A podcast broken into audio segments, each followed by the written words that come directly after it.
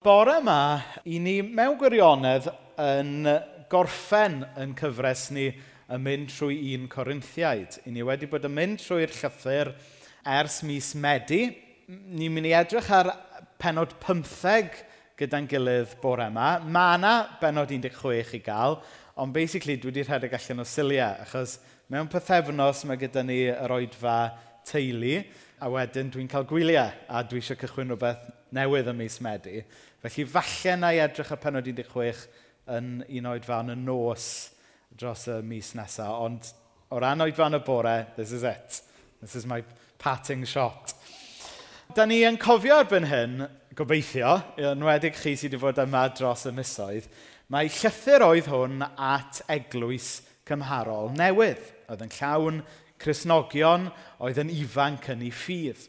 Ac felly mae'r llythyr yn cyfro pob math o bethau.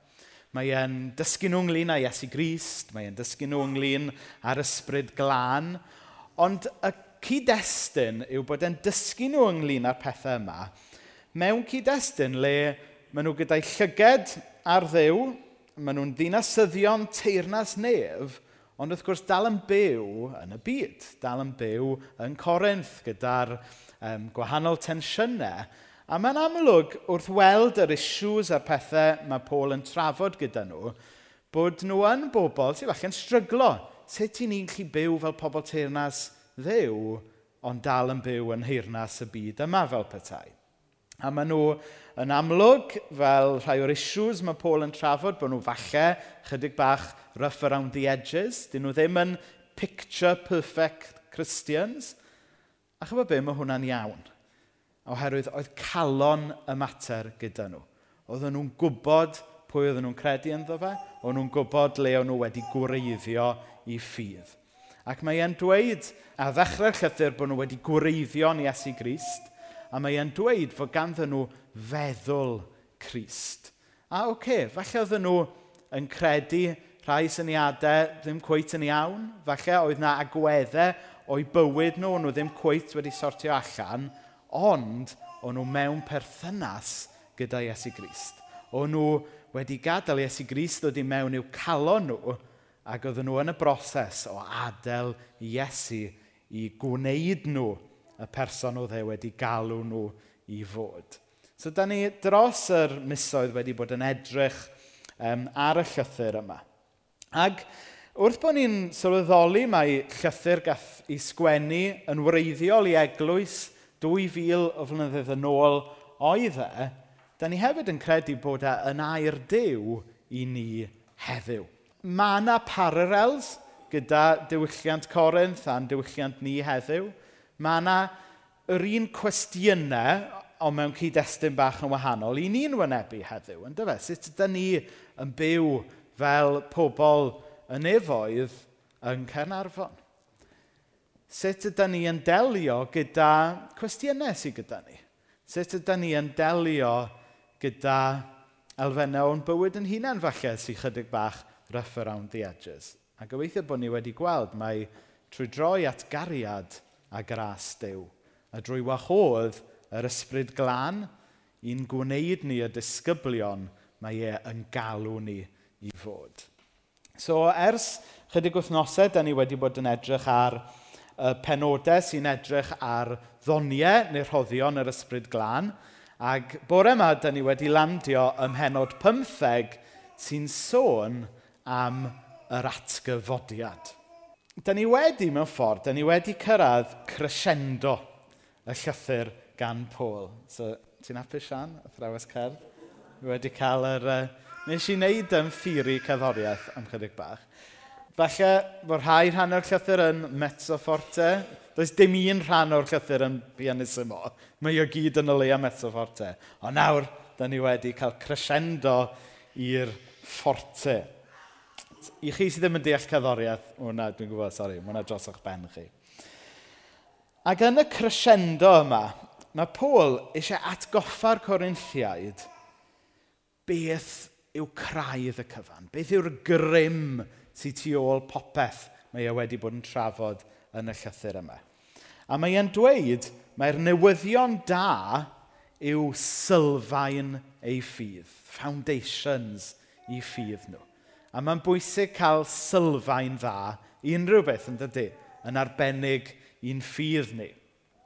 Mae e'n sôn mae'r newyddion da yma sy'n ni hachub nhw. Nid chwarae bach sydd fan hyn. Hwn, yw'r hwn sydd yn ni achub nhw. A mae e'n gofyn y cwestiwn miniog ond pwysig yma i'r Corinthiaid. Dwi'n cymryd eich bod chi wedi credu go iawn, dim credu heb wir feddwl beth roeddech chi'n ei wneud. A mae hwnna'n gwestiwn pwysig yn dydy. Neu mae wedi bod yn rhannu'r holl bethau yma gyda nhw. A mae e jyst eisiau checo ar ddiwedd y llyfr fod bethau chi yn credu hwn, yn dydech? Chi ddim jyst yn falsio bod chi yn ei gredu fe.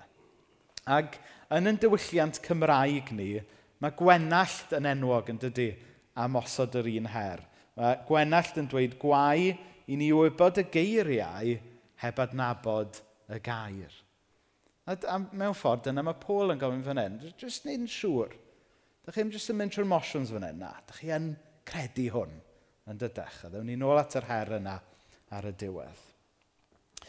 Felly mae'n sôn fan hyn ynglyn â'r newyddion da. Wel, beth yw'r newyddion da? Wel, mae Paul, diolch fawr iawn, yn mynd mlaen i esbonio i ni. Yn adnod 3 mae'n dweud fel hyn, a prif beth wnes i ei rannu gyda chi oedd beth erbyniau si, sef bod y Meseia wedi marw dros ein pechodau ni, fel mae'r ysgrifau sanctaidd yn dweud. So, y peth cyntaf mae Paul yn sôn amdano yw y diagnosis fel petai, yn dyfa. Mae e'n sôn am bechod. A dyddiau yma, dyw e ddim yn beth ffasiynol i sôn am bechod. Ond, da ni gyd yn gwybod ydy, tas yn ni'n onest, mae dyma yw problem y byd. Dyma yw problem yn calon ni. Os oes unrhyw un yma, dwi'n deud hyn pob tro, os oes unrhyw un yma meddwl bod chi ddim yn bechadur, wel gofynnwch i'ch ffrind gorau neu'ch gwrnau gwraig, a dwi'n siŵr bydden nhw'n gallu cyflwyno'r achos yn eich erbyn chi. Da ni'n chwerthin, ond go iawn, mae yn serius yn dydy. Dyna yw'r man cyntaf. Dyma yw'r yw dryswch yma sy'n achosi ni fethu yn naturiol cael perthynas gyda'r Dyw sydd wedi'n creu ni a'n caru ni. Ond y newyddion da yw bod Iesu wedi delio gyda'r clymau yna yn yn calon ni. Mae Iesu wedi delio gyda'r tywychwch yna yn y byd.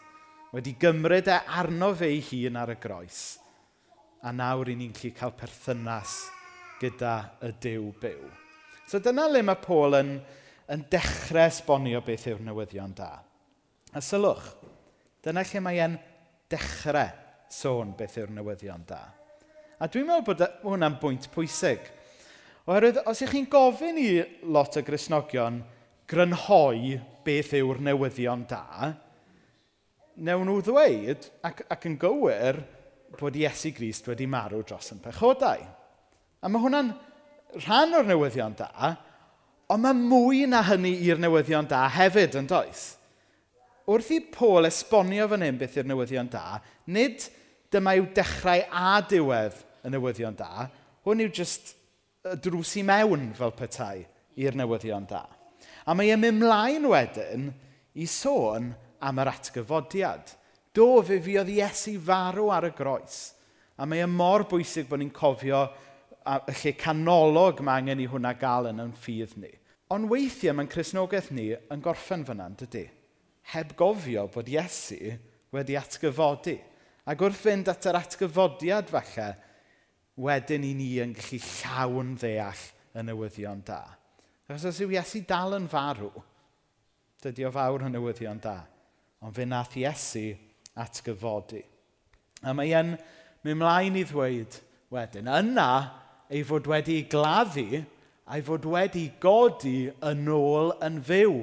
Ddeuddydd wedyn, fel mae'r ysgrifau yn dweud. Felly, fe nath Iesu farw drosta ni, ond fe nath Iesu atgyfodi i roi bywyd newydd i ni. A mae atgyfodiad Iesu, fel mae Paul yn esbonio yn y benod, a darllenwch e drostoch chi'ch hun ar ôl mynd adre, nath Iesu atgyfodi fel bod pawb sy'n credu yn enw Iesu hefyd mynd i gael i hatgyfodi. Dyna yw'r gwirionedd Cresnogol. Dyma yw craidd y newyddion da. Yn dilyn buddigoliaeth Iesu ar y groes, mae'n pechodau ni wedi ddelio efo, ac yn dilyn atgyfodiad Iesu i ni hefyd yn disgwyl mlaen i ddydd pan y byddwn ni yn cael atgyfodi hefyd. Mae hwn yn newyddion da. Ond, mae e yn newyddion da. Mae Cresnogion, mae'r eglwys falle wedi gamddeall dros y blynyddoedd. Mae pob Cristion, gobeithio, yn credu mewn bywyd tu hwnt i'r bedd. Ond tas ni'n gofyn um, o fewn yr eglwys heb sôn am yn byd be mae hwn yn golygu, be mae bywyd tu hwnt i'r bedd yn golygu. Byddwch chi'n cael rhyw fath o esboniad. O, bod ni'n rhyw fath o dianc o'r byd corfforol yma ac yn rhyw fath o fflwtio ffwrdd i rhyw fyd ysbrydol. A chi'n cael yr caricature yma o bod ni'n ystar y cymylau a chyfod rhyw fath o delweddau fel yna. Ond fe nath Iesu Grist atgyfodi go iawn, ddim jyst yn ysbrydol, a pan mae'r Beibl yn sôn am yn atgyfodiad ni, mae yna sôn yn rhywbeth tangible. Bod ni'n mynd i atgyfodi go iawn. Mewn deiar newydd, mewn nefoedd newydd. Ond tro yna, bydd heb bechod. Bydd heb boen. A bydd pob deigryn wedi i sychu. Mae hwnna'n rhywbeth exciting. Mae hwnna'n rhywbeth i ddisgwyl ymlaen amdano fe. I ni yn credu mewn bywyd tu hwnt i'r bedd yn llythrenol. Nid jyst fel rhyw fath o ddelwedd ysbrydol, nid fel rhyw fath o metafor. Mae'r Beibl yn dysgu fod yna llythrenol bywyd i gael tu hwnt i'r bedd. Ond dros y blynyddoedd yn anffodus, mae, mae rhyw ddylanwad wedi bod ar yr eglwys, ar bob traddodiad yn credu mae rhyw syniad eri fferi ydy bywyd ti hwnt i'r beth. Bod ni'n dianc o'r byd corfforol mewn i fyd ysbrydol. Ond na, nath Iesu Gris datagfodi go iawn a bydd e'n dod yn ôl i sefydlu deiar a nefoedd newydd. A mae hwn wir y newyddion da. Ac yn datgyddiad 21, dwi'n meddwl, dweud mawr nawr, fy hoff benod yn y Beibl, i ni'n cael portread o sut fydd hi pan fydd Iesu yn dod yn ôl. Yna gwelais nefoedd newydd a deiar newydd. Roedd y ddeiar a'r awyr gyntaf wedi diflannu. Doedd y môr ddim yn bodoli ddim mwy. Dyma fi'n gweld y ddinas sanctaidd, y Jerusalem newydd yn dod i lawr oddi wrth ddiw yn y nefoedd. Roedd yn edrych fel merch ifanc wedi gwisgo'n hardd ar gyfer ei phriodas. Wedyn, clywais lais o'r orsedd yn cyhoeddi'n glir. Bellach mae pabell dew yng nghanol y bobloedd. Bydd yn byw yn eu canol nhw, a bydden nhw'n bobl iddo. Bydd dew ei hun gyda nhw, a fe fydd ei dew nhw. Bydd yn sychu pob deigryn o'i llygaid nhw. Fydd dim arwolaeth o hyn ymlaen. Dim galaru, dim wylo, dim poen. Mae pethau fel roedden nhw wedi mynd. Dyma'r un oedd yn eistedd ar yr orsedd yn dweud, edrychwch, dwi'n gwneud popeth yn newydd. Dyma yw'r newyddion da oedd Paul yn sôn amdano fe. Dyma yw'r addewid mae Dyw yn rhoi. A mae atgyfodiad Iesu yn rhoi rhyw fath o ernes i ni yn rhoi rhyw fath o ragfas, yn rhoi rhyw fath o addewid i ni o beth sydd yn yn disgwyl ni. Mae Iesu wedi'n achub ni ar y groes o bechod, a da ni fel Cresnogion yn dda falle am esbonio be mae Dyw yn achub ni o, ond dyma be mae'n achub ni i. A mae hwnna'n cymaint rhan o'r newyddion da, yn dydy. Alla bod ni dros y blynyddoedd wedi bod yn, yn euog o dim ond sôn am be mae Dyw yn achub ni o. Mae achub ni i rhywbeth. Mae achub ni i fywyd newydd. Heb boen, heb alar, heb farwolaeth. Ond wrth gwrs, ar hyn o bryd rhagflas i ni'n cael o hyn. Achos dwi'n edrych o'ch cwmpas chi nawr a dwi'n gwybod fod yna bobl yma dal ar hyn o bryd yn wynebu poen. Fod yna bobl yma dal i wynebu galar a dal i wynebu marwolaeth. Ond fel mae'r benod yma'n dweithio ni, mae atgyfodiad Iesu yn, yn rhagflas i ni o beth sydd i ddod. Adnod 20, ond y gwir ydy bod y Meseia wedi godi yn ôl yn fyw. Mae e fel y ffrwyth cyntaf i ymddangos adeg y cynheiaf. Fe ydy'r cyntaf o lawer sy'n mynd i gael ei codi. Pwy, pwy yma sy'n arddwyr? Oes yna unrhyw arddwyr yma? Yw ti, Gwenno? Da iawn. Da, da chi wedi cael rhywbeth o'r ardd eto, Lenny? Do, be da chi wedi cael? Nionod. Gret. O'n i wedi gobeithio ymateb fwy uh, blasydd. Letys, na ni, gret. Wel, adeg yma o'r flwyddyn, i chi sy'n garddio, i chi falle wedi dechrau cael y ffrwyth a chi falle gyda mefus yn eich gardd a chi'n blasu fe, a mae'n codi blas yn chi am, am y mwy o'r bethau sy'n mynd i ddod o'r ardd nes ymlaen yn yr haf. Nawr, i rhan fwy ohono ni, dydyn ni ddim yn arddwyr. Felly, dwi wedi cyfieithu'r ddelwedd i, i, i'n hoes ni. Chi'n cofio'r wyl fwyd oedd yng Nghernarfon chydig wythnosau yn ôl? O, nes i weld lot ohonoch chi yna oedden ni'n mynd o gwmpas y stondinau i gyd yn dod yn cael testers. Ydych chi'n cofio?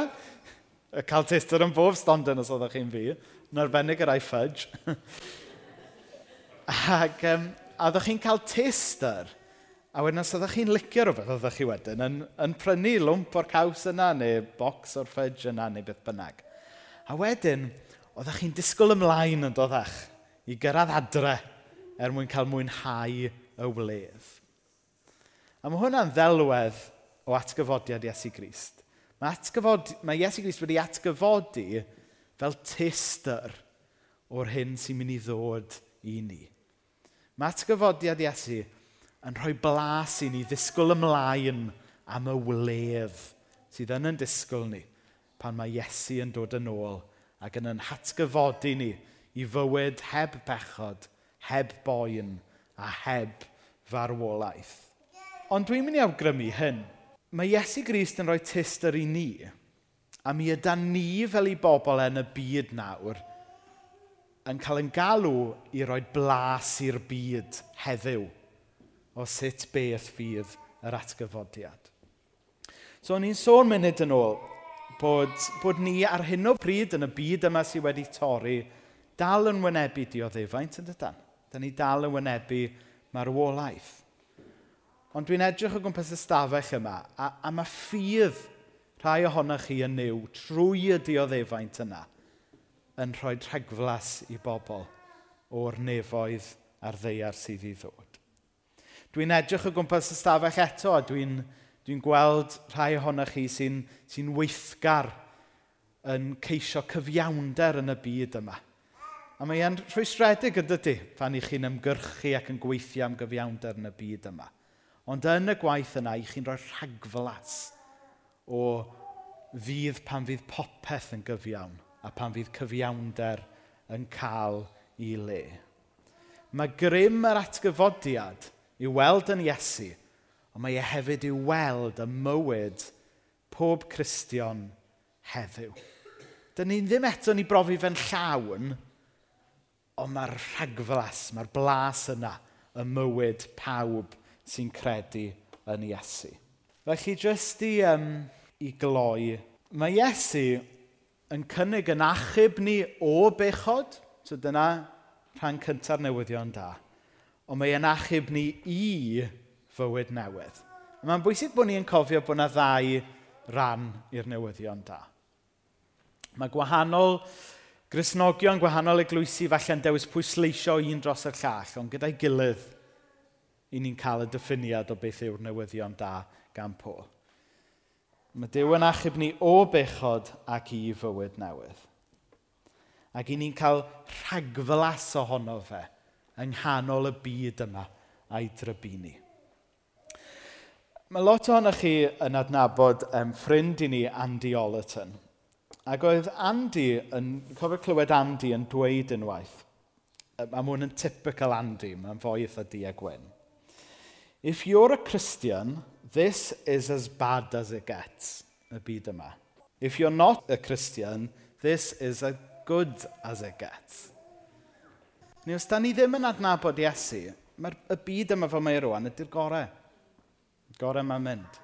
Ond os da ni'n adnabod Iesu ac yn disgwyl ymlaen i'r atgyfodiad, dyma'r gweitha eithi. Dim ond gwell eithi nawr, chymau Iesu wedi atgyfodi a mae e'n dod yn ôl i roi popeth yn iawn. A dwi am orffen drwy, droi nôl at yr her mae Paul yn rhoi ar ddechrau y benod. Dwi'n cymryd eich bod chi wedi credu go iawn, dim credu heb wir feddwl beth roeddech chi'n ei wneud. Y lle gorau i esgus bod yn gristion yw yn y capel. Achos da ni'n hawdd iawn am, am guddio pethau o'n gilydd yn dydyn. Mae e'n hawdd mewn torf fel hyn bore yma i guddio a trio ffitio mewn. Ond mae, on mae Iesu Gris eisiau perthynas bersonol efo pob un ohono ni. Mae Dyw eisiau gwybod a dyn ni'n credu yn ei enw fe. Achos mae be mae Iesu'n cynnig, mae'r newyddion da yma, y newyddion da.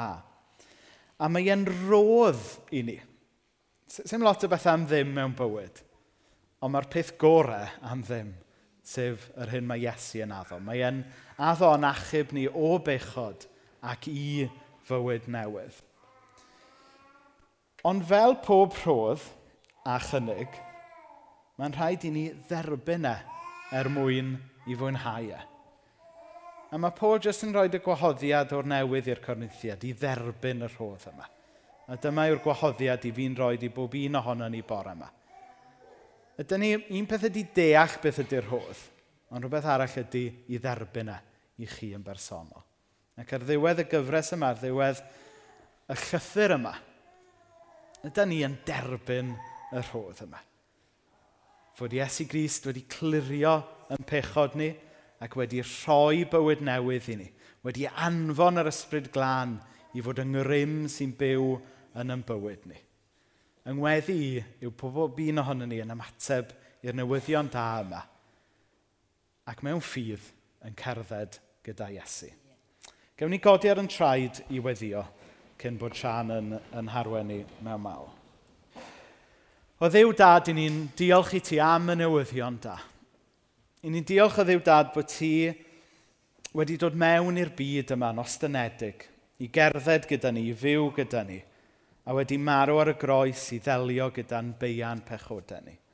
A ni'n diolch bod ti'n achub ni o hynna. Ond ni'n diolch bod yr atgyfodiad yn atgoffa ni bod ti'n achub ni i rhywbeth gwell. I ti'n achub ni i fywyd newydd. A ni'n diolch bod atgyfodiad di yn golygu fod na atgyfodiad yn dod i bawb sy'n credu yn Iesu. Ac ni'n diolch o ddiw dad y bydd yr atgyfodiad yn dod â ni i ddeiar a nefoedd newydd, lle bydd dim poen, dim galaru a dim marwolaeth mwyach. O ddiw dad i ni'n hyreithi am y dydd yna. Ac o ddiw dad i ni yn gofyn i ti helpu bob un ohono ni i, i dderbyn y newyddion da yna yn bersonol mewn i'n bywyd bore yma.